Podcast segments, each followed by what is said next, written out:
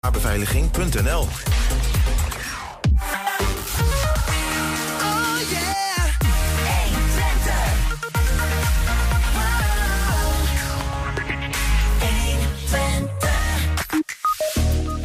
De april-mei-staking die begon bij het Hengeloze Stork is dit jaar 80 jaar geleden en dat wordt herdacht. Hans de Gruil van het herdenkingscomité vertelt hoe. Arjan verder is de beoogde op, op nieuwe wethouder in Enschede die Jurgen van Hout moet gaan opvolgen. En hij schuift zo meteen aan. Zondag werd Arthur Adam ten Katen gekozen tot nieuwe stadsdichter van Enschede. En hij is vandaag hier. En in depot vandaag een gouden ouwe, namelijk de weersvoorspellingen van ooit. Het is maandag. De weervoorspellers. 30 de weervoorspellingen, ja, worden Weersvoorspellers. Allemaal goed. Het is maandag 30 januari en dit is natuurlijk 120 vandaag. 120. 120 vandaag. Kinderen en jongeren die opgroeiden in Enschede hebben minder kans om armoede achter zich te laten dan kinderen in veel andere plaatsen in Nederland. Maar waar je wieg staat, dat mag niet je kansen bepalen, vindt de gemeente. En daarom investeert de stad de komende jaren extra geld in het onderwijs op plekken waar dat het hardst nodig is. Gemeente en onderwijs trekken daarin samen op. En wat betekent dat? Dat vragen we aan Mark Nij Bijvank, voorzitter van het gezamenlijk bestuurlijk overleg tussen basisscholen, voortgezet onderwijs, kinderopvang, middelbaar beroepsonderwijs in Enschede en de gemeente. Mark, eh, welkom. Dankjewel. Fijn dat je er bent. Uh, misschien straks even concreet, uh, nou ja, hoe dat, hoe dat dan precies in Enschede uh, werkt. Ehm, maar waar je wieg staat, dat bepaalt je kansen. Ja, ja helaas wel. Helaas wel ja. Het blijkt dat daar waar de, de, het postcodegebied waar je geboren bent, dat heel bepalend is voor je toekomst. En daarvan hebben wij heel lang geleden gezegd als onderwijs samen met de gemeente, dus niet alleen de, de, de, het gemeentebestuur, maar ook zeker de gemeenteraad, dat we daar gezamenlijk uh, onze schouders onder willen zetten. Ja, dat is onderzoek van uh, Bastiaan Ravenstein onder andere ja. en uh, ja. Erasmus Universiteit Rotterdam. Ja. ja, en we zien het ook aan onze eigen, aan onze eigen cijfers. Maar die, die, precies, want die, die, dat, dat, ja, dat onderzoek blijkt in de praktijk echt zo te zijn. Maar hoe Mark, hebben we daar misschien even kort, hè? ik wil er niet heel lang over praten waarschijnlijk, maar hebben we enig idee hoe dat nou dan toch kan? Dat, dat, dat het kennelijk zo bepalend is in welk postcodegebied je geboren bent. Ja, niet iedereen groeit op in dezelfde omstandigheden. Hè? De, dus de omstandigheden zijn uh, heel bepalend uh, voor je toekomst. Wat voor omstandigheden zijn dat dan? Nou, ik kan een klein voorbeeld noemen. Als je bijvoorbeeld uh, opgroeit in een gezin waar veel stress om geld is, dan is, laat ook onderzoek ook zien dat het daadwerkelijk ook iets doet met ontwikkelingen van je hersenen. Dus op het moment dat je kunt zeggen van ja, dan ga je op school, ga je aan de slag uh, met, met de kinderen. Maar als je tegelijkertijd ook uh, het gezin ondersteunt met het oplossen van de problematiek rondom geld, werkt dat echt, uh, werkt dat echt heel bevorderlijk voor het kind. Hè? Dus um, wij als onderwijs beseffen ons dat we één schakel zijn in dit geheel. En het mooie nu is dat we het samen met de gemeente, uh, maar ook met andere, allerlei andere organisaties samen de schouders er rond te zetten. Misschien even over jou, Mark, want wat was, ja. wat was jouw functie in het dagelijks leven precies? Ik ben uh, bestuurder van KOE, Katholiek Onderwijs Enschede. Ja, dus uh, een van de scholenkoepels hier in Enschede. Ja, en dan het over basisonderwijs in Basisonderwijs, geval, ja. inderdaad, ja. En die, die, er wordt wel eens gezegd, die eerste duizend dagen van een, van een, van een, van een kind zijn heel erg bepalend voor hoe die, nou ja, hoe die zijn leven verderop op de rit, wel of niet op de rit krijgt. Ja, ja dat klopt. Want we zien bijvoorbeeld kinderen die met een taalachterstand op een van onze scholen komen. Die ontwikkelen zich eigenlijk nou ja, op dezelfde manier als een, als een kind met uh, wel voldoende taalontwikkeling. Alleen die kloof die ontstaat aan het begin, die dicht je niet gedurende de schoolperiode. Dus vandaar ook dat een belangrijk deel van het, uh, het LEA, uh, Lokaal Educatieve Agenda, dat we de afspraken die wij als onderwijs maken met de gemeente. Mooi, Lea. Ja, Lea, mooie afkortingen. Ja, ja. afkortingen. Ja, die uh, spitst zich ook vooral ook toe op, die voor, op dat voorschoolse deel. Hè? Want uh, hoe meer we daar investeren, hoe meer we daar, daar de kinderen helpen en uh, in een goede positie brengen, hoe bevorderlijk dat is voor de, voor de rest van hun leven zelfs. Is het alleen kinderen helpen of gaat het ook over het de, de, hulp aan ouders? Ook over de hulp aan ouders. Dus het hele systeem, ja. daar wil je op gaan inzetten. Ja. En heel even voor, voor de helderheid, want jij zit in dat comité, noem ik het maar even, namens uh, het, het, zeg maar dat voorschoolse deel, hè, dus kinderopvang, ja. alles wat daar gebeurt, en, en, en het basisschooldeel, hè? klopt hè? Ik ben vooral vanuit mijn verantwoordelijkheid vanuit het basisonderwijs, maar ja, we, we praten met alle partijen. Snap. En uh, uh, ik hoorde in jullie aankondiging dat de nieuwe wethouder hier aanschuift. Maar ik moet ook wel zeggen dat we ook wel heel fijn vinden de manier waarop de gemeente dit, de, dit zich bij de gemeente ontwikkelt. Want de, de Jurg van het Hout heeft zich heel hard gemaakt voor deze agenda, heeft er echt op geduwd. En ik denk ook wel dat mede dankzij zijn inspanning eh, het plan zo integraal, dus zo samenhangend eh, eh, nu ondertekend wordt. Dus daar zijn we echt heel blij mee. Dat is vrij uniek, geloof ik, hè? Dat Ja, het zo, zeker. zo integraal wordt opgepakt Ja. door al die partijen die Ja. ermee te maken hebben. ja, ja, wij, uniek voor Twente in Nederland. ken jij andere voorbeelden of is dit een soort pilot en kijkt iedereen? Nee, ik denk de manier waarop we dat met elkaar aanpakken, want het valt ook in Den Haag op. maar ook, nou ja, Hengelo, Almelo kijken ook mee. En we willen ook graag dat we dat regionaal gaan oppakken, want dan ben je alleen maar sterker. Nee, klopt. De manier waarop we dit aanpakken met elkaar, dat is denk ik wel uniek te noemen. Ook eh, de manier waarop we elkaar weten te vinden. Want we hebben een aantal raadsdiners gehad, hè, waarin bij het onderwijs eh, de, de gemeenteraad ontmoet. Nou, en je hoeft niet heel lang te praten om met elkaar het eens te zijn over het idee dat we met elkaar de schouders eronder zetten. En Neuzen staan behoorlijk, eh, die neuzen Ja. staan dus behoorlijk Ja. dezelfde kant. Ja, Misschien ja. heel naar het onderwijs. Als je nou naar het basisonderwijs misschien zelfs daarvoor kijkt. Wat, wat, wat merk je nou heel concreet in de praktijk als het gaat om die kansenkloof? Want daar heb je het eigenlijk over, hè? Ja, nou ja, een voorbeeld als eh, de ouderbijdrage proberen wij heel gering te houden op onze, op onze scholen.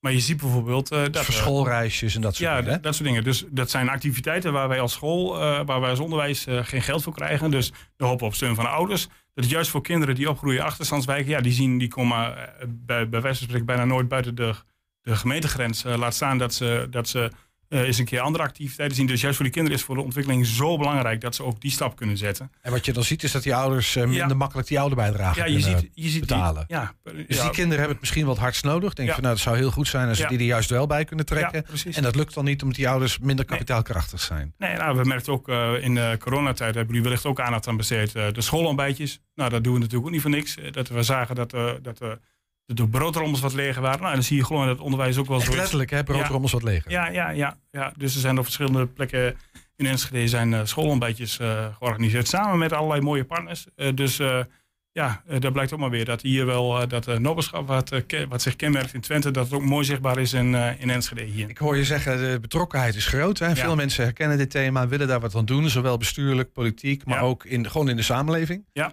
Ehm, nou, dat is natuurlijk mooi, mooi nieuws. Het, het, het is zo'n kreet, eh, ongelijke kansen. Of ja, ongelijke kansen. Oh nee, laat ik het anders zeggen. Om gelijke kansen te bevorderen moet je ongelijk iets doen. Ja. Ehm, dat klinkt een beetje alsof eh, nou ja, je wil het, het beste van wat je hebt dan inzetten op plekken waar kinderen dat Ja. ook het hardst nodig hebben. Ja. Wat moet ik me daar concreet bij voorstellen? Nou, je kunt je voorstellen dat op plekken waar, eh, waar we zien dat de ta- taalachterstand wat groter is, dat we daar bijvoorbeeld extra pedagogische medewerkers inzetten in groep 1 en groep 2. Dus dat de leerkracht, eh, dat de leerkracht aan de slag kan met de kinderen die, het- die het nodig hebben. En dat alle andere kinderen eh, onderwijs krijgen op een andere manier via bijvoorbeeld een, een, een PM'er. Of dat er kleine groepjes kinderen geholpen kunnen worden. Ik heb ook wel eens het voorbeeld gehoord dat je de beste leerkrachten zou willen inzetten op plekken waar dat hardst nodig is. Ja, Maar dat, dat, dat, dat klinkt dan bijna alsof je leerkrachten wil gaan verplaatsen. Dat, dat, dat, nou kan dat misschien binnen een koepel. Ik heb geen idee, maar wat moet ik me ja, daarbij nou ja verplaatsen. Je kijkt gewoon wat is hier nodig. Welke vaardigheden moet een leerkracht hebben om op deze school te kunnen werken. Dus, eh, de- en daar gaan we steeds meer naar kijken. Dat we ook een steeds specifieke profiel krijgen van de leerkracht op de verschillende scholen. Kijk, de andere kant is eh, one size fits all. Daar is Nederland heel goed in. En ik vind het heel mooi dat we nu dus durven te kiezen ook. Hè. Laten we daar maar ondersteunen, daar waar het echt nodig is. Ik Ja. vind dat een heel... Ja, ik vind het wel een krachtige beweging van de gemeente, moet ik zeggen. Ja. Snap ik het. Tegelijkertijd is het ook nog wat abstract, kan ik me voorstellen. Het is een soort van, nou ja, die, die, die richting willen we ergens uit. Maar Ja. Hoe dat nou precies in de praktijk allemaal moet, dat moet je nog gaan ondervinden. Ja, maar je moet het uitzoeken. Ja. Kijk, eh, we hebben ook wel, eh, we, st- we steken snel eh, de handen uit de mouwen. Maar we hebben ook wel gezegd, we gaan goed nadenken met elkaar. We gaan de UT kijkt mee op het gebied van taal bijvoorbeeld. Om gewoon eens te onderzoeken, wat is nu voor de specifieke context van Enschede... eh, wat, wat is helpend voor de kinderen? Hè? Ik bedoel, we hebben ons laten informeren vanuit Amsterdam, vanuit Utrecht. Want er zijn al wat voorbeelden waar, waar een vergelijkbare aanpak loopt. Ja, en, en die, zijn er al wat langer, eh, die zijn er al wat langer mee bezig. Omdat je daar misschien ook wat, wat, wat meer ehm achterstandsscholen van oudsher al had of zo. In, Ja. in specifieke wijken, zoiets. Ja, wellicht. Eh, Ik bedoel, ik weet niet precies wat de reden daarvan is. Maar de gemeente Amsterdam heeft in ieder geval gezegd, zij willen het aanpakken. Maar ja, je moet geen copycat gaan spelen. Hè? Want we moeten echt kijken naar de Enschedeze context. En daar ook kijken wat daar nodig is voor onze kinderen op onze scholen. Om te kijken hoe we hen het beste kunnen helpen. Hoeveel geld is er beschikbaar, Mark? Weet je dat? Ja, dit deel eh, is eh, iets meer dan 200.000 euro. Dat is voor vier jaar. Dat is niet Eh, verschrikkelijk veel geld. nee, Laten we eerlijk zijn. Het maakt wel onderdeel uit van een nog groter verhaal. Hè. We hebben ons achterstandenbeleid. Dus het is ehm, eh, Jolanda Kuipers van de gemeente. Die trekt, die is projectleider van de kansenongelijkheid. van de kansenongelijkheid portefeuille. Hangt natuurlijk veel meer onder. Hè. Op het gebied van welzijn. op het gebied van sport. kinderopvang. Onderwijs. Eh, wij hebben natuurlijk ook onze NPO-middelen die al inzetten. Die al ingezet worden Wat voor... voor middelen? eh, ja, Nationaal Programma Onderwijs. Dat waren de zogenaamde coronagelden voor de Oh ja, scholen. We daar is nog wat van over. Ja, en die, en die zetten we natuurlijk ook in. Ja. Eh, ook wel specifiek oh, kijken we naar kinderen wat ze nodig hebben voor, voor een ontwikkeling. Dus het is wel, het is, eh, ehm, die twee ton eruit lichten, dat klopt. Daarna kijken, maar het is natuurlijk onderdeel van een groter geheel. Ja, dat snap ik. En tegelijkertijd twee ton over vier jaar, zeg jij. Dat is 50.000 euro per jaar. Ja. Daar kan je nog geen leerkracht voor aannemen. Nee, maar eh, de gemeenteraad heeft ook wel gezegd dat ze ook wel meer geld beschikbaar hebben gesteld. En eh, eh, dus de- dit is heel specifiek. Maar het maakt echt onderdeel uit van een groter geheel. Dus in, in, in werkelijkheid is er echt wel meer geld beschikbaar. Ja. En hoe, hoe, hoe weet je nou waar, waar die extra inzet nodig is? Is dat inderdaad op, op basis van die postcodekaart, zeg maar? Waarin gebiedjes donkerrood en andere gebiedjes misschien geel kleuren, zoiets? We hebben ons eigen kwaliteitssysteem waarin we echt schoolprestaties eh, kunnen, kun- eh, kunnen volgen. De gemeente heeft eigen data, die weet ook wel waar de problematiek eh, zich clustert. En je ziet gewoon heel vaak dat het op dezelfde gebieden is. En daar gaan we gewoon goed naar kijken. En we gaan ook daar, niet die gebieden gaan we ook niet als, als één geheel behandelen. We gaan per, per wijk, eh, misschien per IKC, Integraal Kindcentrum, gaan we kijken wat daar nodig is om de kinderen te helpen. Ja, heb je nou specifieke, is, is is er nu al een beeld van, nou ja, welke kinderdagverblijven of kinder, kinderopvanglocaties en welke basisscholen, kijk maar eventjes, eh, zullen ook middelbare scholen zijn, maar daar ga je het niet over. Eh, de- zijn er al specifieke scholen die je in beeld hebt? Je hoeft geen namen en nummers te noemen, maar gewoon even benieuwd of je al eh, helder hebt waar, Ja, waar je dan vooral moet naar gaan kijken. Ja, zeker. En het is niet dat we daar nu opeens eh mee beginnen. Want eh, natuurlijk zijn we al daar al veel, veel langer, eh, zijn we daar al veel langer mee bezig. Maar wat dit wel anders maakt dan anderen is die integraliteit die hierin zit. Hè? Dat we nu echt samen doen. Dus, en we gaan meer specifiek kijken. Daar waar we voorheen meer nou ja, algemene maatregelen hadden, gaan we nu echt kijken van wat is hier specifiek nodig. Dat is eigenlijk een grote verschil. Ja, Dus wat, we gaan- wat, wat, wat heb je nodig? En daar moet je dan plannen voor maken. Ja. En vervolgens moet daar dan weer geld bij op de een of andere manier. Ja, Is het nou ook zo dat jullie straks met een plannenpakket kom, eh, eh, komen als, als, als club, gezamenlijk? Want dit is de aanpak hier, kost zoveel. Is dat er dan terug dat je terug moet naar de gemeenteraad en moet gaan zeggen, nou, dit is het plan. ehm, nou, boter bij de vis, zoiets? Ja, het werkt ook andersom. De gemeente heeft geld beschikbaar gezet en kom maar Ja. met die plannen, zeggen ze. Ja. Dat vind ik echt, eh, dat is, dat, is een, dat is een groot gebaar, ook in het belang van de stad, denk ik.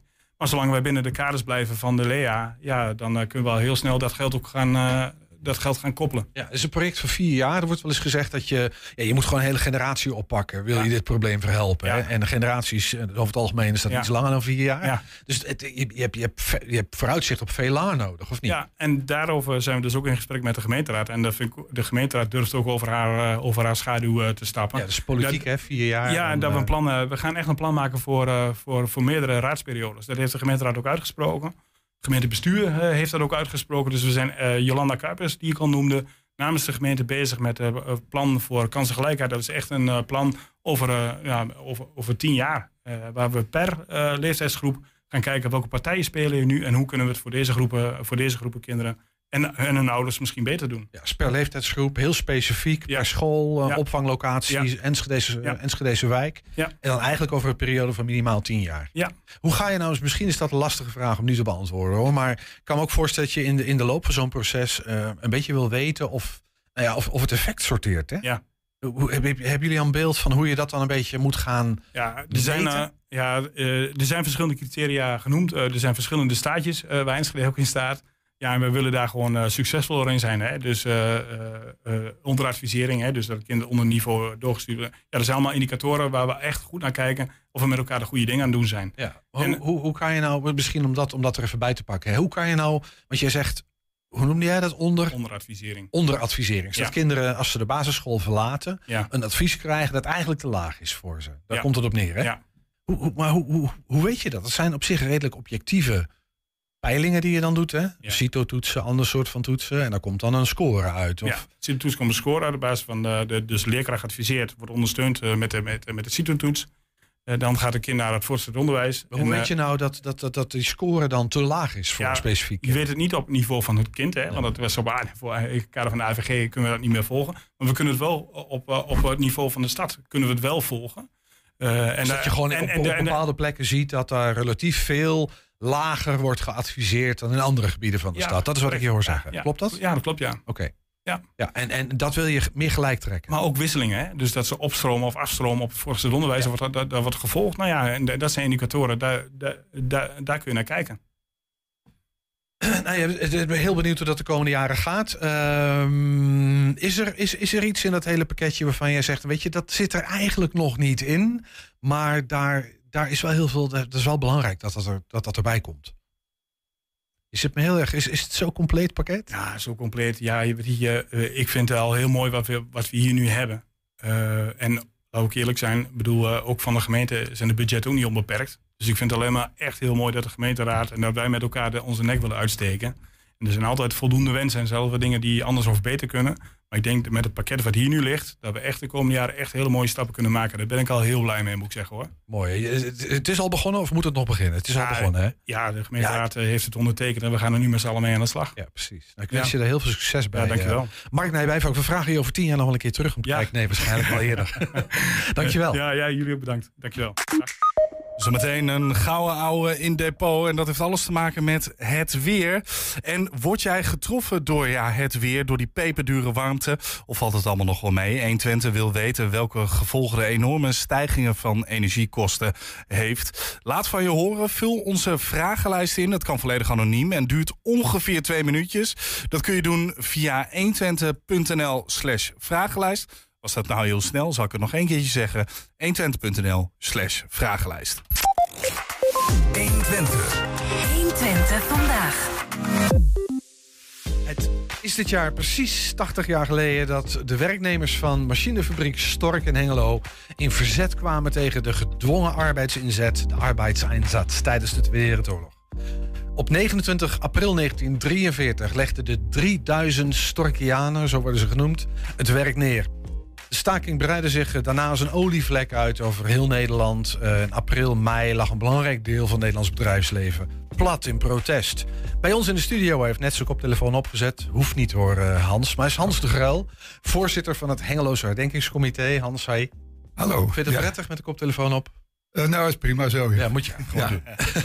hey, maar dat is een, een bijzonder verhaal. Het van die april-mei-staking in 1943. Eh, hij startte in Hengelo.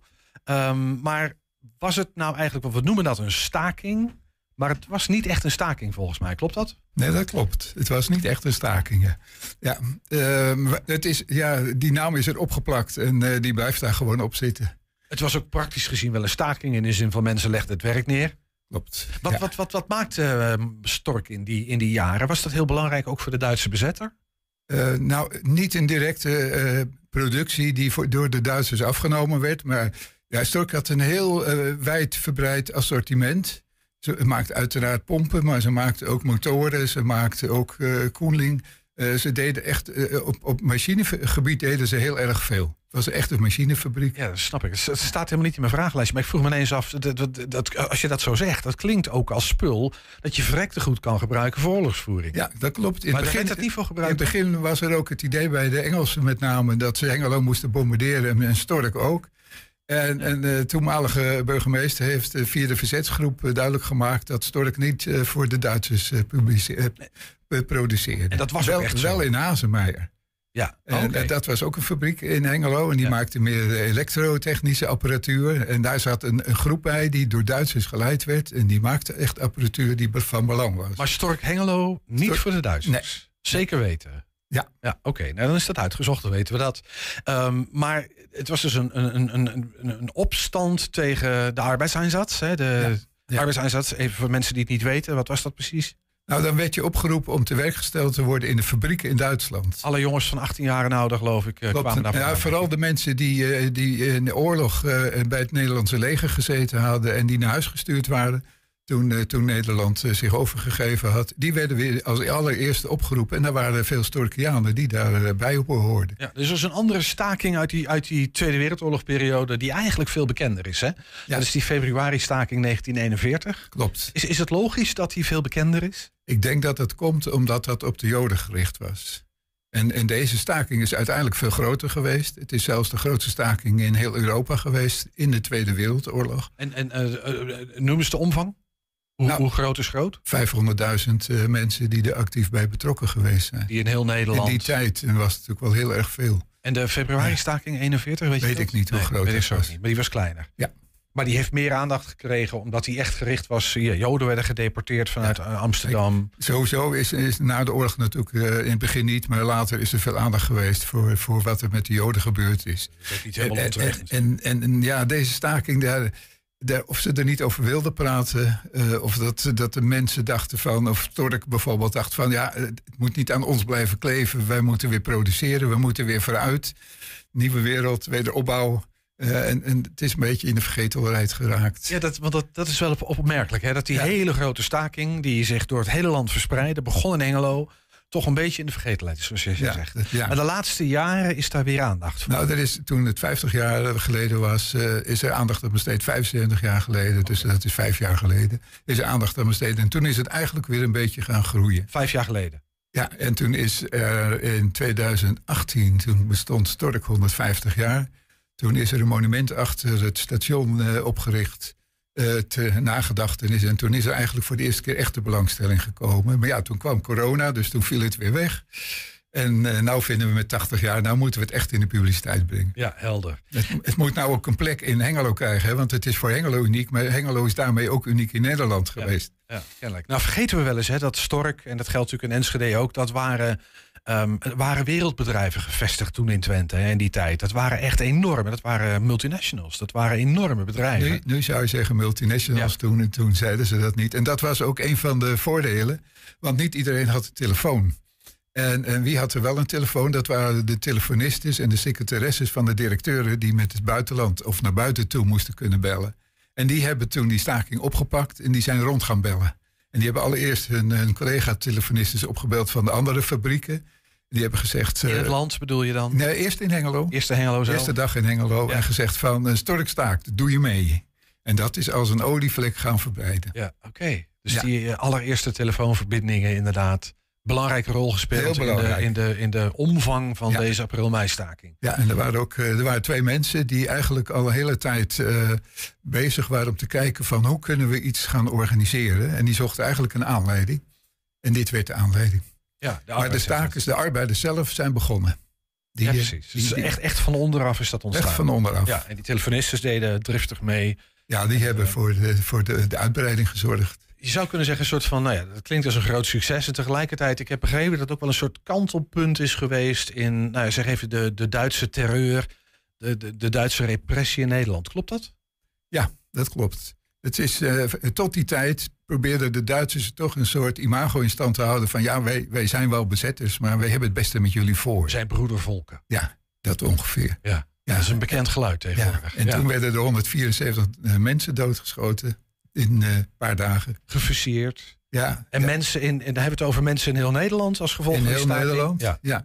Er werd eh, ogenblikkelijk standrecht ingevoerd, want de Duitsers die schrokken zich echt wezenloos. Dit, dit hadden ze niet verwacht.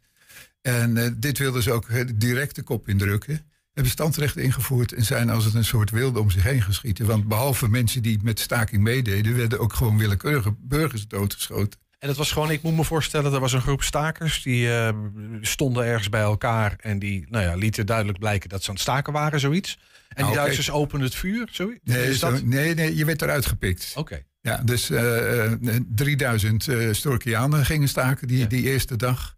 Ja, die stonden niet allemaal op een kluintje en daar werd niet in het wilde weg op geschoten. Maar er was een directeur, eh, meneer Loep. En die was niet eens in de fabriek aanwezig, maar die werd eruit gepikt als voorbeeld. En die werd eh, veroordeeld. Eh, die was eh, samen met Frans Stork, een van de andere directeuren, werd hij verhoord. En, en meneer Loep werd tot de dood veroordeeld. Meneer Stork niet, maar... En meneer Stork niet, nee. maar, maar Fri- Frits Loep wel. En, die, En hoe snel ging dat? Waar moet ik je, wordt opgepakt, Ja, je wordt ja. verhoord. 4 en- mei, 4 mei is die doodgeschoten. Dus 29 april brak die staking uit. Ja, opgepakt, 4 mei is die Ja, gek. en er was, een, er was een rechter die in eerste instantie die, die daar zijn twijfels over had. En toen hebben ze een rechter aangevoerd eh, die daar geen twijfels over had. En die zei van, huppakee. En dat was dan ook meteen klaar. Ja, ja en, eh, en het, eh, het, ja, het hele erge is dan voor de nabestaanden... dat hij ergens gefusilleerd is en begraven zonder dat ze weten waar. Oké, zijn, zijn over, maar we weten wel dat hij geëxecuteerd is, dat is zeker. Dat is zeker, ja. Maar waar die precies en waar die nu precies. dan zou zijn, Ja. of waar zijn, dat weten we niet. Dat weet je niet. Is het bijvoorbeeld is bewaard gebleven wat hij in, in zijn jaszakken had aan, aan eh, spulletjes wat hij bij zich had. En dat ligt nu in het Verzetsmuseum in Amsterdam. Oké. En over die nabestaanden gesproken. Ik, ik begreep dat, eh, dat er contact is met, met geloof ik, kleindochter van deze directeur. Ja, Britta Rul, Ja? dat is de kleindochter van Frits Loep. Die is dat, betrokken bij de herdenking ook nu. Ja, dat, die, ik beschouw dat als de geestelijke moeder van eh, deze herdenking. Zij is ook voorzitter van de Landelijke Stichting. Ik, ik ben van het lokale comité. Ik ben geen voorzitter, maar coördinator. En zij is voorzitter van de Landelijke Stichting. En dat is een stichting april-mei-staking. April-meistaak in 1943. En daar is zij voorzitter van. Ja, en daar zit Gijs Stork, dat is ook een nazaat van de Storken, zit daarbij. Daar zit een historicus bij. Nou, dat is een, een echt een, een bestuur. En die hebben overleg bijvoorbeeld met het eh, eh, 4, mei, 4, 5 mei comité, die jaarlijks de herdenking organiseert. En dit jaar wordt er dan ook in dat comité speciaal aandacht besteed aan eh, leven met de dood, leven met oorlog en aan de april-mei-staking. En dat gebeurt dan ook dit jaar in Zwolle. Oké. Buitengewoon actueel, kan ik me ook voorstellen. Maar heel even naar Hengelo en naar de, naar de herdenking. Eh, want wat gaat er precies gebeuren? Wanneer? Ehm Ja. Schets eens een beeld. Nou, we hebben een programma gemaakt en het programma werd zo groot dat we dachten van dat moeten we niet eh, 29 april noemen. Dat noemen we april, de maand van de april-meistakingen. En eh, zelfs Dus is in heel april is er een programma. heel april, maar we beginnen al op 9 maart. Oké, wat gaan we doen? Dan, eh, dan is de presentatie van een, eh, een film die gemaakt is door jeugdtheatergroep Barst. En dat is, die film is bedoeld voor de basisscholen. En wat we dus heel belangrijk vinden, wat onze eerste prioriteit is, dat we aandacht aan educatie weer besteden. Waarom is het zo belangrijk? Nou ja, dat hebben we nu gemerkt pas met... dit- wij hadden dit al in ons programma zitten. En er kwam, vorige week kwam er dus naar buiten dat, dat de jongeren heel weinig weten van de holocaust. Of zelfs denken dat het niet plaatsgevonden heeft. Kwart van de jongeren schijnt dat te denken. Kwart van de jongeren. Ik hoorde me. dat vanochtend en ik moet je zeggen, ik vond dat verbijsterend. Ik ook. Ja. Eh, Enig idee hoe dat kan? Nou, ik denk dat er te weinig aandacht is eh, besteed aan, aan eh, de oorlog in zijn algemeenheid. En, Oké. en verder weet ik ook niet hoe het eh, onderwijs in elkaar zit. Maar Julian, hoe hoe was dat bij jouw lagere school? Werd er aandacht besteed aan... eh, jij bent een stuk jonger dan ik. Ja. Er was toch wel aandacht voor die Tweede Wereldoorlog en voor de holocaust? Ja, nee, er- is eh, vrij veel aandacht daarvoor. En nu kom ik zelf ook vanuit vroeger uit van een, vanuit een Joods gezin. Dus ik had er altijd al wel, eh, ben, ik ben ik ermee opgegroeid. Niet dat ik de falen weet, want dat zullen ze mij nooit vertellen. Er werd niet maar, over gepraat, maar... nee, nou er ja, niet over gepraat. Maar ja, de- de- bij- bij mijn generatie merk ik hier niks van. Dat zal dan, denk ik, een paar generaties onder mij moeten zitten. Ja. Ik vind het een opmerkelijke ontwikkeling, Hans. Ik eh, begrijp er niks van. Nee, maar daarom zijn we blij dat we van tevoren al bedacht hadden dat wij onze Ja. eerste prioriteit bij de Dus educatie jullie hebben een theatergroep, Barst, zeg jij. die heeft een film Barst. gemaakt. Die hebben een film gemaakt, die gaat 9 maart in april. Die week daarop hebben we vijf dagen een, een filmzaal bij OIVO, het museum OIVO, afgehuurd. En dan worden aan 18 groepen van eh, basisscholieren uit de, leeftijd, eh, van de groepen 7 en 8... die worden uitgenodigd om die film te bekijken. Ja. Daar komt een lesbrief bij, daar komt een speurtocht bij. Dus daar bieden we echt een compleet programma aan... dat ze een goed beeld krijgen van wat er toen zich heeft afgespeeld... op een manier die, die dicht bij hun is. En alleen april-mei-staking of wat breder? Gewoon eh, dat Nee. hele, eh, een belangrijk deel van de Tweede Wereldoorlog. Nee, de- ge- echt gericht op de april-mei-staking. Dit is ook eh, speciaal voor Hengelo. En, en misschien nog heel even, een, een, een- ligt er nog iets uit uit dat programma?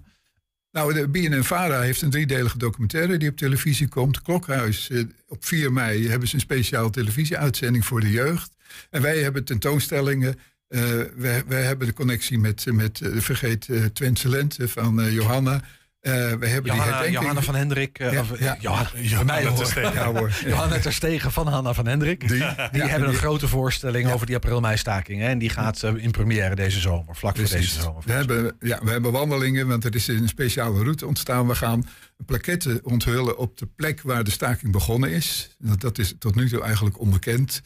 En we willen, Waar is dat? Eh, Dat- dat- wil ik het dat was weten. vroeger was het het drijfwerk of de pompenfabriek. Ja, daar En dat, dat was helemaal onbekend. Nou, we- van daaruit kunnen we een wandeling organiseren via het stortecomplex langs de gieterij, wat nu het ROC is, Ja. naar het monument achter het eh, station. Eh, we hebben lezingen, we hebben films. eh, we hebben echt het, de hele maand april hebben wij een prachtig programma. Ik hoor het al. Er is echt heel veel te doen rondom die herdenking. 80 jaar april-mei-staking. En niet alleen in Hengelo, maar landelijk, begrijp ik. Klopt. Ja, Inclusief landelijke zendgemachtigden.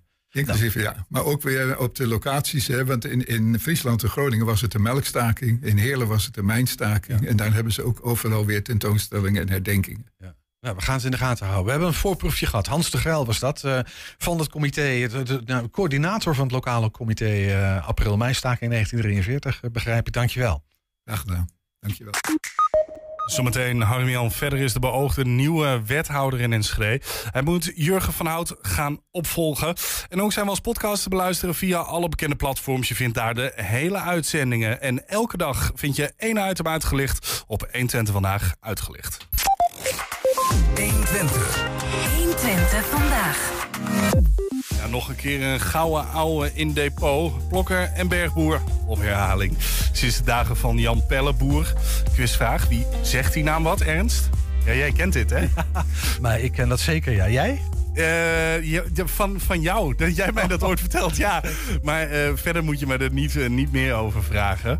Ja, denken dat ja, de weersvoorspellingen van weersmannen en vrouwen komen... die hun informatie halen uit de beeld. Het meteorologische epicentrum van Nederland. Voor die tijd lieten de mensen Gods water over Gods akker stromen. Ze waren overgeleverd aan de grillen der natuur. Nou, dat ligt toch wat anders. Edwin, we, we, ja, we, zijn weer terug eh, bij het Lushoes. Ja, Ehm, en dan, ik je hebt me net verteld toevallig, dat mag ik niet doorvertellen. Maar rond 1850 hè, woonden mensen nog zo. ja, ja, het is in ieder geval ingericht van rond 1850. Ja. En eigenlijk woonde men hier al sinds de steentijd in dit soort huizen. En het kenmerk dat dieren en mensen in één ruimte wonen. Ja. En dat is het, het losgoes. Ja. En ik heb het idee dat waar, waar we het nu over gaan hebben, dat, dat we, staan niet, we staan niet voor niks bij het Lushoes. Ja, het begon. Ja, ja, ja. Vroeger had je een, eh, eh, een duif, een vogeltje, maar meestal een tortelduif. Had je in een koortje in de kamer. En eh, nou, had je, ja, in het huis was waarschijnlijk al, al een verwarmingsinstallatie. Ja, dat- Maar hier in het Loshoes ook had je open vuur. Daar heb je op een gegeven moment ook dat, dat, dat, dat je een, een, een, een, een hoeveelheid koolstofmonoxide kan hebben. En dat is giftig. En vogels zijn daar veel vatbaarder voor als mensen. Dus die gaan veel eerder van het stokje. En eh, zodra je dus ziet dat hij eh, omvalt, eh, moet je als een gek de deur open gaan doen. Want dan, eh, dan heb je kans op koolmonoxide. Dat is eigenlijk vergelijkbaar met de kanariepiet in de mei. Ja, precies, exact zo. Ja, ja. En het werd gewoon in heel veel huishoudens en ook in heel veel boerderijen werden dus eh toffelduiven in koortjes gehouden. Eh, Als, als koolmonoxidemelder ja, eigenlijk. ja eh, maar bij heel veel huizen eh, zie je hem ook ehm, eh, boven de ingang. Dus dan heb je aan de binnenkant van het huis, heb je aan de binnenkant, en dan moet je dus onderdoor lopen. En dan had je die, eh, die, eh, die duiven, dat waren al torteltjes, maar die werden dan roosduiven genoemd. Roosduif. Roosduiven, ja. Want het, het, die, men dacht dat die hielpen tegen allerlei huidziektes, zoals netelroos. Gordelroos, netelroos. Precies. Ja, Oké. ja, ja. En alleen de onderdoorlopen hielp al. Als je ze aaide was het nog veel beter. Hè, dan had je er helemaal nooit last van. En onderdoorlopen, dat hielp ook al. Oké. Het is nooit wetenschappelijk bewezen. Nee, maar dat is wel de reden dat ze heel vaak boven de deur hangen. die. Ja, want- ja, ja, kijk maar eens bij het Openluchtmuseum, daar zie je ze ook hangen boven de deur. Echt? Ja, Grappig. ja, Nooit op. ja. Er is nog een derde functie. Want kennelijk hadden die, waren die duiven die waren gevoelig voor eh, luchtdrukverschillen. En het blijkt dus dat die tortelduiven die maken verschillende geluiden bij verschillende soorten luchtdruk. Dus als je heel lage luchtdruk hebt, dat is eh, slecht weer, Ja. dan, dan, dan, dan brabbelen ze een beetje. Hè, dus een beetje praatachtig. En als het weer mooier weer wordt, dus de luchtdruk Dan gaan ze koeren. Dan gaan ze koeren bijvoorbeeld. Ik weet niet precies hoe het is, maar kenners kunnen dus aan het geluid van die tottels kunnen ze horen ehm, nou ja, wat voor weer het wordt. Dus het was een weer, eh, ook een weersvoorspeller. Ja. Maar, jij, maar, maar deze duiven vliegen ook in het wild rond. Hè, in Ja, ja, Ik, ja. bedoel, ik, ik hoor ze en zie ze heel Ja, ja, zo zou je uit dus kunnen dat, horen. Ja, als je, dus dat, dat werkt dan nog steeds waarschijnlijk. Ja, ja, precies. En je moet natuurlijk niet vergeten, eh, eh, deze hingen niet voor niks aan ook in boerderijen. Eh, het was vroeger veel belangrijker dat je het weer kon voorspellen. Hè? Hè, dus, Voor de oogst. voor de, voor de, nou ja, als jij, als jij gras op het land hebt, eh, dan wil je weten of dat het in de nabije toekomst eh, droog blijft. Ja. Want dan kan je het gaan maaien, kan je het drogen. En als je weet dat de komende dagen gaat regenen, eh, eh, ja, dan ga je daar niet aan beginnen. Nee. Dan kun je beter even wachten. Ja. En je had al geen, geen radio in die tijd. Hè, dus eh, alle hulpmiddelen waren eh, welkom om het weer te voorspellen. Ja. Nou, daar was de duif was er een van. En dan heb ik hier nog een andere. Dit is een, eh, een weerglas. Een weerglas. Een weerglas. En het wordt ook wel eh, eh, donderglas genoemd. En dit, is, eh, dit exemplaar is uit ongeveer 1750. 1750 al. Ja, ja, dat is best een oud ding. En het is een, een, een Nederlandse uitvinding eh, van Cornelis Drebbel uit eh, 1610 of zo. Serieus? Ja, ja, dus van voor de barometer. En dat werkt, ja, ik voel me, dat werkt ook op luchtdruk natuurlijk dan. Ja, ja, ja. De, barometer is, de barometer is echt een, een meetinstrument hè, met een schaalverdeling. Ja. En, en dit, is, eh, dit moet je wel in de gaten houden. En dit, eh, eh, maar het werkt, het werkt eigenlijk op dezelfde manier. Maar je vult hem dus voor een gedeelte met water. Ja. Dit is eh, eh, dicht Ja. en, en dit is open. En, als je dus, eh, en doordat het een heel dun pijpje is, eh, eh, en stel je krijgt eh, eh, lage luchtdruk. Lage luchtdruk is slecht weer. Hè, dus, eh, eh, eh, eh, en dat betekent dus, nou, je moet je voorstellen, eh, boven ons is een kolom van 10 kilometer eh, lucht. Eh, en ja, je zou zeggen lucht weegt niks. Maar als je 10 kilometer hebt, eh, dan is dat heel zwaar. Ja. En als je een laag luchtdruk hebt, dan echt wel dat die kolom een stuk minder zwaar is. En dat betekent dus ineens dat, dat eh, doordat het minder zwaar is, dat eh, dit water hier omhoog komt. Dus bij lage luchtdruk, slecht weer voorspellen, hè, want laag lucht kun je voorspellen dat het laag weer wordt. Dan gaat dit omhoog en het kan zo ver omhoog komen hier dat het uit gaat lopen. Ja. Dus als je dit in de gaten houdt en dit kun je nou, vrij, vrij goed van op aan dat jij gewoon regen krijgt. Ja. En dat werkt vandaag natuurlijk nog, nog steeds. Ja, want je kan ze gewoon nog wel in, in, in, in souvenirwinkels kopen en zo. Maar goed, dit is een echt gebruikt authentiek exemplaar. Ja, dat is natuurlijk precies. eh, veel leuker. Ja, ja. Oké, dus we hebben hier weersvoorspellers. eh, maar ja. dan... en heel belangrijke hulpinstrumenten vroeger voor de, voor de boer. En een, een- dat- die naam donderglas, ja, dat komt natuurlijk van onweer. Slecht Ja, ja, als dit omhoog komt, dan eh, kun je donder verwachten. Ja. En dan komt ook het, eh, eh, het eh, spreekwoord of gezegde... eh, komt gedonder in de glazen, komt ervan. Oké, Ja, dat komt eh, van dit, eh, dit eh, weerglas. echt een donderglas. Mooi, Edwin. Dus we hebben de Turkse tortel en het donderglas. Ja. Om de boeren een beetje bestaanszekerheid te geven. Ja, ja, ja. ja. Zijn, eh, zijn eh, mooi voor ze allebei eh voorpen van de eh oudheidkamer. 120. 120 vandaag. Harmjan Verder onthoudt die naam Enschedeers. Dat is namelijk als het aan de ChristenUnie ligt de nieuwe wethouder van deze stad. Vrijdag is die voorgedragen door zijn partij als opvolger van Jurgen van Hout... die burgemeester wordt in Rijsselholte. Natuurlijk willen wij graag weten wie is Harmjan Verder. nou, welkom Harmjan. Eh, leuk dat je er bent. Ehm, mogen we je al feliciteren? Nou, natuurlijk. Gefeliciteerd dan bij deze. Ja, want daar moet nog een formele klap op, geloof ik. Zeker. De gemeenteraad moet nog stemmen en dan, eh, dan pas word ik geïnstalleerd. Ja, dus officieel zit daar nog een. eh, misschien microfoon even ietsje Ja. dichter eh, jouw kant uitschuiven. Ja, dan helemaal goed. Gemeenteraad officieel nog stemmen, maar het gebeurt eigenlijk nooit dat ze tegenstemmen. Nee, eh, maar dat kan gewoon- natuurlijk wel. We gaan, we gaan het zien. We hebben, de gemeenteraad heeft nog een stem. Eh, en daarna eh, mag ik aan de slag. Zo hoort het eh, in de democratie. Ja, Ja. ja. precies. Maar goed, je zit hier ehm, en we gaan er wel vanuit dat jij het gaat worden. Ik kan me wel voorstellen dat er misschien nog wel wat vragen zullen zijn. Bijvoorbeeld over het feit, nou ja, weer geen vrouw. Het is weer een mannencollege. Daar zijn we goed in in Enschede kennelijk, maar op veel plekken in het land. Is dat voor jou een issue? Of, Nou, kijk, ik ben er trots op dat we bij de ChristenUnie een vrouwelijke eh, fractievoorzitter hebben. Sinds een vrouwelijke bestuursvoorzitter. Nou, ik bedoel hier in Enschede. hè? ja, ook. En Ja. dan hebben we landelijk inderdaad zelfs alleen maar vrouwen aan de top. Dus dat is heel mooi. En mijn partij doet daar eh, eh, goede zaken in, denk ik. En ja, ik ben, ben inderdaad een man, dat kan ik niet ontkennen. Ja. Nee, dus, ik- ik- ga het je ook niet kwalijk nemen, eh, Arjan. Eh, Was er nog een, een, een serie? Er waren wat meer kandidaten. Jij was niet de enige kandidaat. ja, er is een heel zorgvuldig proces geweest binnen de ChristenUnie. Ook een heel mooi open proces, daar ben ik ook trots op. Eh, er is een vacature geweest, je kon erop reageren. Ja. En een commissie die heeft met de kandidaten gesproken en uiteindelijk mij voorgedragen. Ja, ik weet dat Hadassa Meijer was natuurlijk een van de kandidaten. Hoeveel kandidaten waren er in totaal? Open Ik heb- proces, dus gooi Ik, maar ik heb begrepen zes. Ja. Zes. Ja. En daar ben jij... eh, dat is best nog veel trouwens. Ja. Is het zo'n geliefde plek? Nou, Wethouder het in is natuurlijk eh, eh, een mooie plek waar je een grote verantwoordelijkheid draagt. Ook voor eh, ja, onze stad. En dat is heel gaaf. Dus ik kan me het voorstellen. Eh, en ik zelf vind het ook een hele mooie portefeuille. Hè? Dus het gaat over jongeren, eh, over de Ik wil toekomst van het zo jongeren. heel graag met je over die portefeuille hebben. Want Ja, ik ga je wil overnemen. meteen van al, Jurgen. eh, Ja, al van wal ik. steken, Gelijk op de inhoud. Ja, maar we willen gewoon eerst de nieren proeven. Dat mag, dat ja, mag. toch? Ja. dus dat gaan we ook even doen.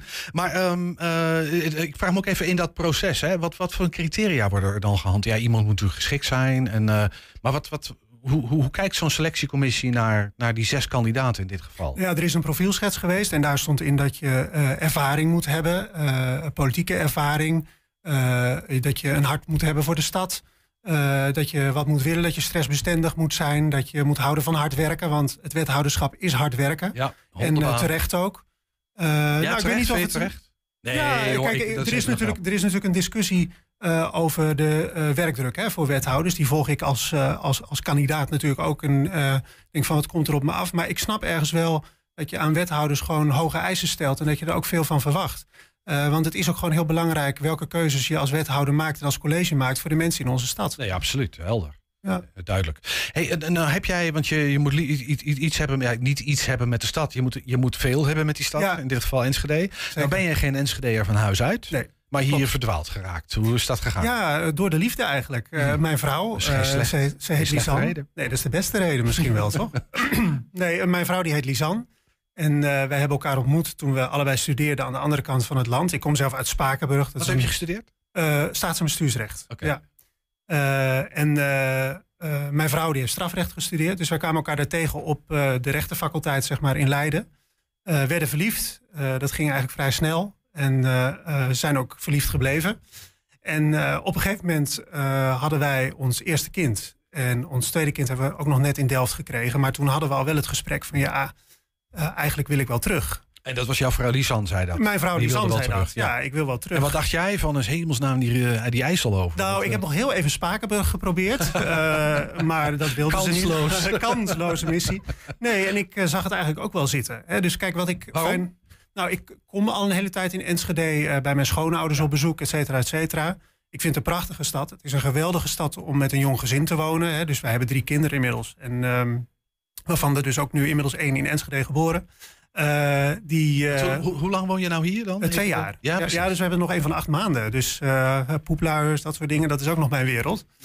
Ehm, Dan ga ik je toch vragen, hoe oud ben je, Harmjan? 35. Ja. Ja, Ah, ja, wij zijn jong. getrouwd. We, we, we zijn in eh, februari 11 jaar getrouwd. Eh, en ik was 23. Dus eh, ja. Ja, Bijna onverantwoord jong, maar het is goed gegaan. Nou, het is toch goed gegaan. Ja, ik heb, ik heb blijkbaar eh, het geluk gehad dat ik de goede keuze heb gemaakt. En ja, als je Lisanne zou kennen, dan zou je ook weten dat dat, eh, dat, dat zo is. Maar goed, dat is misschien te gedetailleerd voor de luisteraar. Volgende keer moet je haar Ja. wel meenemen, dan leren we Dat haar doen kennen. Ja, ja, precies. Hey, nou, eh, ben jij in Den Haag en in dat politieke wereldje bepaald geen onbekende? We vonden een, een, een- tweet, dat is deze, van jullie vorige ehm, eh, partijleider, Chris Segers. Die is net eh Ja, gestopt. Gert-Jan, hè? Eh, sorry, ja, hij is ja, even weg en je bent vergeet zijn naam alweer. Ja, Ja. uit het oog, uit het hart. ja zoiets. ja. Ehm, maar jij bent ook ehm, adviseur geweest van eh, de toenmalig minister Arie Slob, volgens Ja, mij. klopt onderwijs. inderdaad. Ja. En hij zat dan vooral primair en secundair onderwijs, geloof ik, hè? ja, Ehm, hoe, ja. hoe lang heb jij in Den Haag rondgelopen? Nou, ik denk bij elkaar wel meer dan tien jaar. Want ik ben als student nog begonnen bij de Eerste Kamerfractie van de ChristenUnie. Eh, Daar was ik zeg maar eh, de koffiejongen en ik deed ook wat debatten voorbereiden en dat soort dingen. Hoe oud was je toen? Oh, dat weet ik niet meer. Ja, ongeveer, maar gewoon zo in het begin twintig. Hè? Dus eh, ik, ik denk dat eigenlijk ik nog voor je 21 trouwen. of zo. Nog voor mijn trouwen, Ja. ja, ja, precies. En, en, En- wat, wat, wat maakt dat een... een ik, ik vraag, vraag, vraag me even door, hoor, want Ja, eh, ik ken dat. die wethouders. Die gaan zich bl- blijven van leer steken, van, van wal Ja, je moet me wel een beetje in toom Ja, dat is wat ik Maar hoe, hoe komt het dat een jongen van, van begin twintig... eh, dan duik jij al de Haagse politiek in? ja. ik heb altijd een hart gehad voor politiek, van jongs af aan. En toen Waar ik op zit de, hem dat in? Nou ja, eh, zeg maar, eh, gewoon het gevoel dat dat de- plek is waar we als samenleving verschillen overbruggen en, eh, en met elkaar spreken. En later ook wel het besef, toen ik me wat meer met de politiek ging bemoeien, dat het ook een plek is waar je echt verandering kunt bewerkstelligen. Eerst, nou ja, als, zoals medewerker van zo'n Eerste Kamerfractie gaat het allemaal nog langzaam. Op een gegeven moment, nou ik herinner me nog heel goed, was echt een bepalend moment. Op een gegeven moment ben ik tweede, bij de Tweede Kamer gaan werken. En toen belde Gert-Jan Zegers, diezelfde Gert-Jan Zegers op een gegeven moment op eh, tijdens de formatie van Rutte 3. Harm-Jan, morgen mag je naar het ministerie van Veiligheid en Justitie lopen. Daar loop je een kamertje in. Daar zit Stef Blok, die was toen waarnemend eh, eh, minister voor Veiligheid en Justitie. Madeleine van Torenburg van het CDA en Ingrid van Engelshoven van D66. En dan ga je onderhandelen over de paragraaf Veiligheid en Justitie eh, van het eh, kabinet Rutte 3. Nou, wat, ik wat even jij met, met veiligheid en justitie, behalve dat, dat jouw Ik- vrouw strafrecht heeft gestudeerd? Nou, ik was eh, beleidsmedewerker op dat gebied. Dus Ah, ik ja. hielp Gert-Jan met die onderwerpen. En in die jaren daarvoor, voor die gesprekken, voor die week dat ik daar heb zitten onderhandelen... viel het een na het andere voorstel viel af. Moesten we moeilijk doen, motie bijstellen... en dan, dan heel kleine resultaatjes boekte je. En in die week eh, kwamen zoveel resultaten op papier te staan. Gewoon omdat je meedoet. En toen heb ik ook ontdekt, ja, politiek is nog meer dan alleen je ideale verwoorden. Je moet ook proberen op de plekken te zijn waar je ze ook echt kan verwezenlijken. Snap ik. En tegelijkertijd, hoe lang heb je in Den Haag gelopen? Alles bij elkaar? Eh, nou ja, dus meer dan tien jaar. Ik weet niet precies. Maar ik heb dat niet zeggen, bijgehouden op de kalender. Een ruim decennium. Ja. Haagse werkelijkheid. Ehm, ik, ik, weet je, het, het maakt me. Ik, we hebben een soort beeld van die Haagse werkelijkheid. Hè? Ehm, Mhm. Wat zijn is je beeld? Ja, je mag drie keer raden. Maar het is toch een beetje. ehm, het is ook wel een soort van politiek spel en Ja. eh, ego's en een hele hoop waar. hoer en gedoe. Ja, is ook waar. Klopt dat? Ja, dat is ook waar, hoor ik jou zeggen. Ja. ik snap dat het meer is dan dat. Ik bedoel, dat, dat zou er tekort Nee, doen. het is allebei waar. Dus er zijn een heleboel ego's. En daar was ik op een gegeven moment ook echt kotsbeu van. Dat moet ik eerlijk zeggen. hè. Dus ik ben niet voor niks op een gegeven moment eh, eh, bij, op een basisschool gaan werken. Dat is een belangrijke reden, omdat je, omdat nou, je dat... niet de dat- enige. Nee, Eh, maar Het was ook gewoon omdat we naar Enschede gingen. En ik dacht, ik wil gewoon wat anders even dan de politiek. maar je was wel blij dat, je, dat je daaruit weg mocht. Nou, dat, die, e- die egotripperij, die mis ik niet. En ik heb daar zelf heb ik daar niet zo heel veel mee. Tegelijkertijd zijn er ook een heleboel mensen in de politiek... die echt oprecht naar verandering verlangen. En eh, die op die plek zitten wat kei en keihard werken is. Hè? Ook voor Kamerleden en zo. Eh, die echt een verschil willen maken in het leven van mensen. En eh, die heb ik ook heel veel ontmoet. En daar heb ik hele mooie gesprekken mee gehad. Daar hebben we mooie resultaten mee geboekt. Tenminste dan vooral Arie natuurlijk. Maar ik heb daaraan je aan langs de zijlijn meegeholpen. meegezien. Ja, precies. Hey, en, en, en, eh, is jouw verwachting van de lokale politiek... dat dat toch allemaal wat, wat gemoedelijker en wat, wat, wat minder... nou ja, de, de, de, het politieke spel, het politieke circus zal zijn? Nee, dat eh, niet per se. Kijk, politiek circus hoort er ook wel bij. Want waar je van mening verschilt over de toekomst van de stad, hoort ook een eh fel debat bij. En dat felle debat zie ik ook in de Enschedeze gemeenteraad volop plaatsvinden. Dat is hartstikke goed. Eh, alleen aan het einde van de dag moeten we ook nadenken over... en wat eh, kunnen we dan met elkaar overeenkomen? Waar vinden we overeenkomsten met elkaar? Ja, dat is waar politiek over gaat en dat vind ik fantastisch. Ja, want het gaat ook heel erg over. Nou ja, we zouden er heel lang over kunnen praten, volgens mij. Ik denk het Eh, wel, ja. ja, want, want nou ja, polarisatie en de behoefte aan bruggenbouwers, Mhm. dat verhaal. Maar gaan we niet doen, daar is nu geen tijd voor. Ehm, toch nog ik wil nog naar één dingetje toe. En dat is, je bent directeur van twee, volgens mij, gereformeerde basisscholen. In, Klopt. eh één in Hengelo en Ja. één in Almelo. Klopt. Die gereformeerde, is, is die gereformeerde identiteit is voor jou dan kennelijk belangrijk? Kan niet anders. Nou, het zijn eh, eh, basisscholen met open bijbel, zoals we dat tegenwoordig zeggen. hè. Dus er zitten echt christenen vanuit allerlei kerken op, bij ons op scholen. En er werken ook allemaal mensen vanuit allerlei kerken. Maar het is wel belangrijk voor mij dat ik christen ben. En mijn bijbel gaat elke dag open. En eh, ik bid elke dag. En eh, ja, dat vind ik mooi. En daar eh, ontleen ik mijn inspiratie voor mijn werk ook aan. Kan je me één moment noemen waarop, waarop dat heel, voor jou heel evident was? Dat dat eh, nou ja, de, de- het fundament is waarop je denkt, beslist, keuzes maakt, dingen wel of niet doet. Ja, dat zit, zeg maar, het is zo verweven met mijn eigen denken dat dat bijna moeilijk is om te zeggen. Maar ja, bijvoorbeeld de keuze voor de ChristenUnie als politieke partij is natuurlijk wel een hele duidelijke die ook verbonden is met mijn geloof. Eh, maar wel ook altijd vanuit het verlangen dat je niet alleen iets betekent voor andere christenen, maar voor alle mensen in de stad. En eh, zo wil ik ook als wethouder natuurlijk mijn werk doen. Hè. Ik ben, ja, ik ben christen. Eh, ik lees iedere dag de Bijbel. Dat steek ik niet onder stoelen of banken. Maar ik werk graag samen met iedereen. En ja, die identiteit hoeft geen obstakel te zijn om voor iedereen in de stad dienstbaar te zijn. Ja, helder. Eh, tot slot, eh, Harmjan, eh, ik had toch uitgebreid die portefeuille met je willen doornemen. Jij neemt gewoon een bestaande portefeuille over van Jurgen van Hout.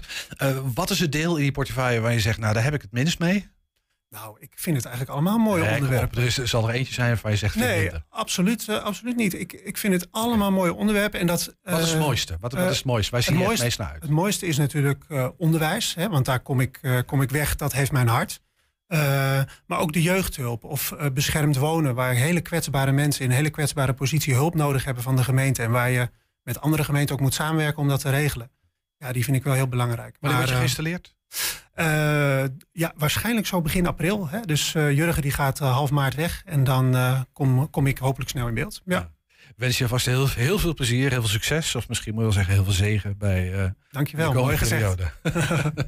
Harm-Jan Verder was dat, eh beoogd nieuwe wethouder hier in Enschede. Dankjewel. Heb je een tip voor de redactie? Mail dat dan naar info.120.nl of eh, bel eventjes. Kan via 053 432 7527. Ik zal het nog één keer herhalen. Dat is 053 432 7527. 120. 120 vandaag. Enschede heeft een nieuwe stadsdichter. Zaterdag, oh nee, zaterdag helemaal niet. Zondagmiddag koos een vakjury uit drie genomineerden. Arthur Adam ten Kate als het boegbeeld voor de poëzie. In de komende twee jaar zal hij een stralenkrans, een lauwerkrans of een rouwkrans rijgen... om al wat de stad en haar inwoners bezighoudt. Ja, ik denk, doe het maar een beetje poëtisch. en natuurlijk is hij bij ons, Arthur Adam ten Kate. Welkom, leuk dat je er bent. Ja. Hey, gefeliciteerd. Ja, dank je. Ja, hoe was het gisteravond? Eh, Gistermiddag. gistermiddag Ja. was het, ja, in zo'n theaterzaal dan voelt het toch al vrij Toch, avondelijk, Ja. zeg maar. Goh, goh, wat een kort dagje is het. Ehm, maar het bleek nog licht toen het klaar was. Was verwarrend. Ehm, nee, het was, ik vond het heel gezellig. Ik vond het een, eh, een, een poëtisch fijne dag ook. Want eh, ook de andere eh, finalisten waren ook heel fijn. En eh, ja, gewoon, het was ook een beetje knus met de, de, de, de poëtische finvleug van Enschede, zeg maar. Dat was het zeker in zekere zin. Hey, een winnaar, twee verliezers. Heb jij nog woorden van troost geuit richting de twee andere mededingers? Nauwelijks. Dat vind ik ook. Zou, misschien moet je dat dan nu nog even doen. Want dat, dat kan eigenlijk. Sorry. eh. Eh, ehm, Je was nou ja, zo blij. ik, en... ik, was, eh, ik was zelf heel blij. Maar het is inderdaad van. Goh, dat is net zoals met een sportwedstrijd. Wie nodigt wie uit voor de eerste hand dan? En eh, van, dan zeg je goed gespeeld. Dat, dat soort dingen. Ja, van mooie gedichten. Dank je wel. Tot de volgende keer. een van de kandidaten nog wat langer. gewoon even koetjes en kalfjes eh, uitgewisseld. Hey, ehm, Arthur Adam ten Kater. Er zullen mensen zijn die, die, die, die, die naar je kijken nu misschien ook en denken van ik ken die man ergens van. We gaan heel even naar een videootje kijken. Vandaag besteden we aandacht aan Arthur Adam, singer-songwriter hier uit Enschede. En hij is vanavond spreekstalmeester bij de allereerste Open Mic Night in Attack. Zo te horen is het al behoorlijk gezellig hier achter ons. Laten we even binnen een kijkje gaan nemen. I wear black and white, worn off pants and a gray white sweater. Beat you my day, can stay like this forever and ever. Oh, every day. Jij hebt dat eh, in Amsterdam gezien en je denkt, ik breng dat hier naartoe. Wat deed jou denken dat het ook in Enschede wel aan zou slaan? Er is hier zoveel mogelijk. Ehm, er is zoveel talent, maar er is ook heel veel infrastructuur. Er is een, eh, een popacademie, er is een conservatorium, er is een hogeschool, een universiteit. En niet alleen in Enschede, maar ook voor de rest zijn er allemaal lokale initiatieven. Ook in de Oldenzaal en in Almelo heb je Paco Plumtrek, dat is ook goed bezig. Dus er is van alles mogelijk. Alleen er was nog geen bindende factor. En toen dacht ik van, ik richt hier dat gilde op. En dan dus niet zozeer dat mijn persoon de bindende factor is, maar dat er een organisatie is eh, die die bindende factor kan zijn. Ja, ho, stop inderdaad. Het Twents-schrij- eh, Twents-schrijversgilde, moet ik het goed zeggen? Vertel brandlos, want ja, ik zou zeggen, wie kent het niet? Vertel even aan iedereen, wat houdt het precies in? Het is een eh, genootschap van liedjeschrijvers uit Twente en de omstreken. Want er zit ook al iemand uit Deventer en een paar mensen uit Duitsland bij. Het wordt al wat breder.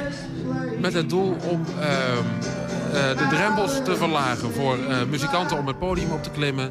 Voor eh, mensen die zalen of cafés hebben die zo iemand willen boeken. Om mensen te vinden die ze, die ze willen hebben spelen. Om muzikanten met elkaar in contact te brengen. Om mensen van hun zolderkamertjes af te halen. Allemaal dat soort dingen. Nou, dat is dus tien jaar en een aantal grijze haren geleden.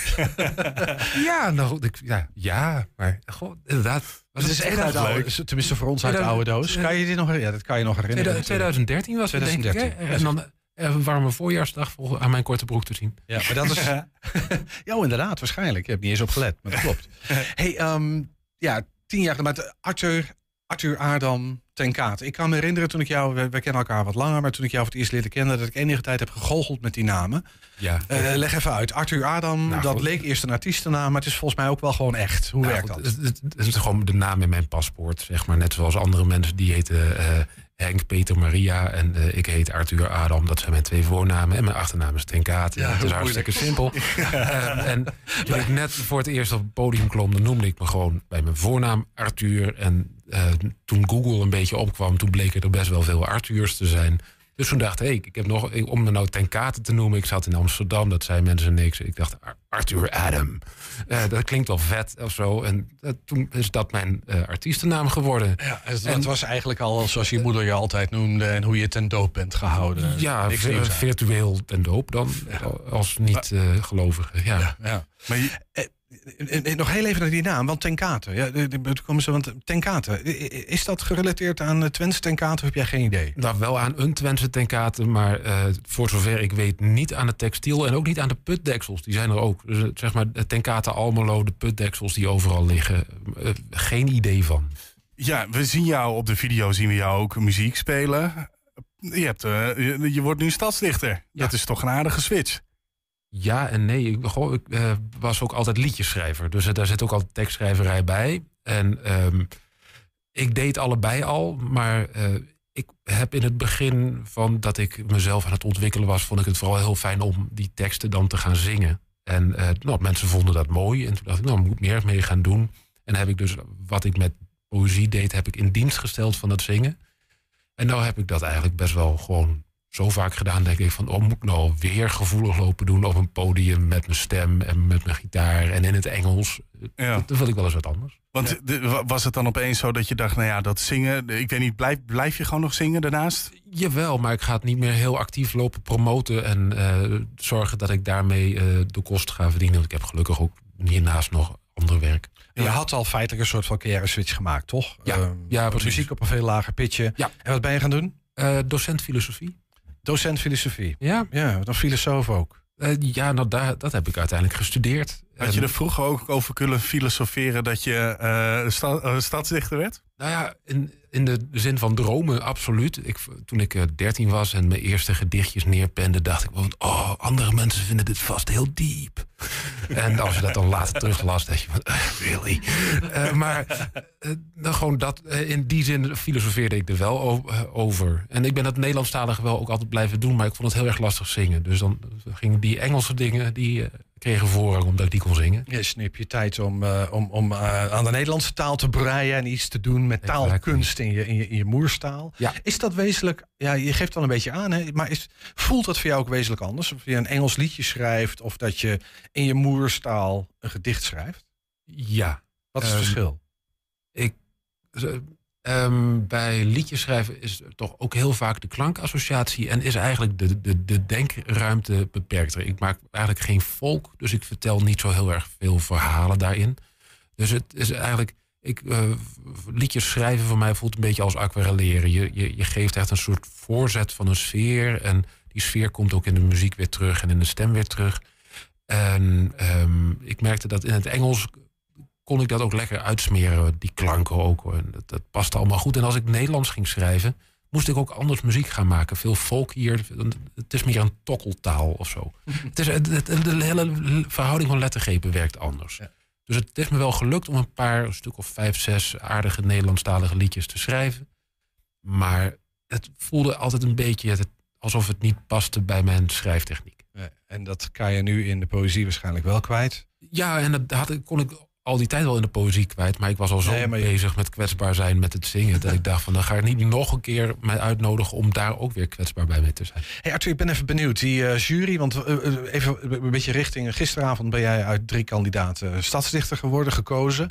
Die jury let op drie dingen. Die let op de inhoud van, van de poëzie. Gewoon, is, zijn het goede gedichten of niet? Nou, dat gold voor alle drie. Was daar niet zoveel twijfel over, denk ik. Let op voordracht. Volgens mij ging dat ook uitstekend gisteren. Gaat ook heel erg over je band met de stad... en wat je met die stad wil als stadsdichter. Ja. Mijn donkerbruine vermoeden is dat daarin ook de doors, dat, dat, dat facet de doorslag heeft gegeven. Het kan bijna die andere twee niet zijn, namelijk. Ehm, wat heb jij met de stad voor als stadsdichter? Wat heb jij de jury verteld als het om je motivatie gaat? Ja, he- heel veel. Ja, Ehm, sowieso. Maar samenvatting. de, de samenvatting is, eh, ik ben een hunkertukker, zoals dat heet. Eh, dus ik ben op mijn zeventiende ben ik uit, Am- eh, uit Enschede vertrokken om in Amsterdam gaan, te gaan studeren.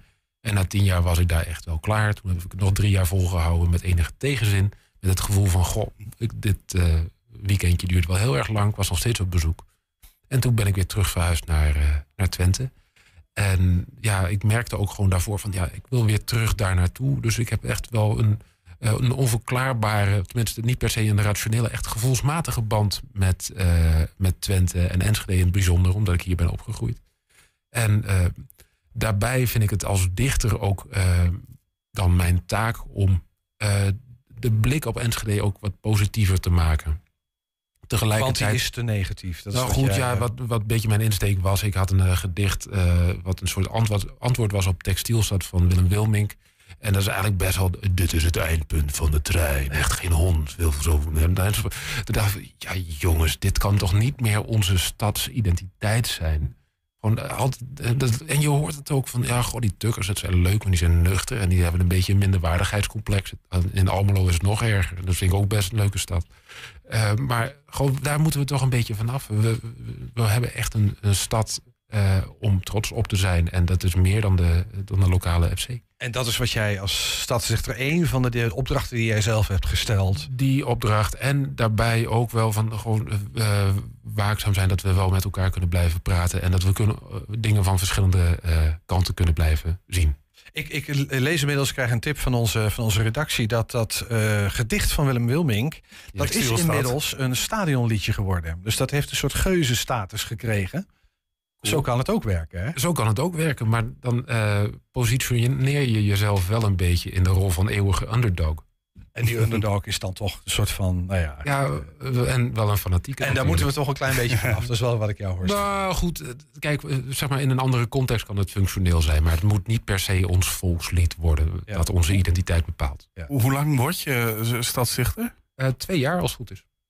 Oké, twee jaar. Dus je, je mag twee jaar, wat, wat mag je precies doen? Eh, hopelijk veel. Eh, er, er schijnt eh, maandelijks een gedicht van mij in de krant te gaan staan. Ehm, verder voor speciale gelegenheden zoals dit, maar ook in de, bij de vergadering van de gemeenteraad schuif ik straks aan om die te openen met een gedicht van mij. En officiële en iets minder officiële gelegenheden.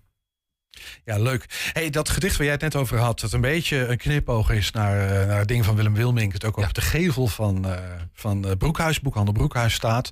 Dat gedicht staat op onze website bij het artikel over het feit dat jij stadsdichter bent geworden. Dus dat moeten mensen daarmee even lezen. Ja. Ik heb jou gevraagd om het andere gedicht dat jij die avond eh, hebt voorgelezen, of die middag, het voelde als avond, hè? Absoluut. Gistermiddag heb voorgelezen en dat gaat, het is een, dat is een veel serieuzer gedicht, gaat over oorlog. Ja. En ik vond dat buitengewoon actueel, dus ik denk, Arthur, wil jij daarmee afsluiten? Natuurlijk. Eh, het heet Kanonnenvoer. Twee mannen kijken terug op hoe hun leven had kunnen lopen. Ze denken en praten en zwijgen tegelijk, stoffen hun herinneringen af. Van hoe ze wel en of niet in het hier terecht zijn kunnen komen, op een krakende stoel, aan een rimpelige keukentafel, en dat ze elkaar hebben gemist. Eén man denkt terug aan hoe de ander onder het stof belandde. De ander had al tijden niet meer nagedacht, zijn hoofd deint mee op het gesprek. Eén man had zijn nest al vroeg verlaten en had als kanonnenvoer gediend. De ander overweegt het hoe dan en de waanzin en het, van het offeren van mensenvlees en van het beschikken van één mens over één mens. De eerste had dat ook graag overwogen, maar zit zwart-wit te knipperen op een lege stoel. De ander vult twee glazen, heft het zijne en proost op zijn herinneringen. Arthur Adam ten Katen was dat, eh, nieuwe stadsdichter van Enschede. Dankjewel dat je even hier was. dankjewel. En tot zover ook 120 vandaag. Terugkijken, dat kan direct via 120.nl. En vanavond om 8 en 10 zijn we ook op televisie te zien. Zometeen hoor je op de radio Henk Ketting met de kettingreactie. Wij zeggen veel plezier en tot morgen. Tot morgen. 120. Weet wat er speelt in Twente. Met nu het nieuws van 5 uur. Goedemiddag, ik ben René Postma. Nederlanders in Turkije kunnen op dit moment niet naar het consulaat in Istanbul. Het is voorlopig gesloten uit angst voor gewelddadige protesten of aanslagen... vanwege het verscheuren van een Koran, pas geleden bij een betoging van Pegida in Den Haag. In Turkije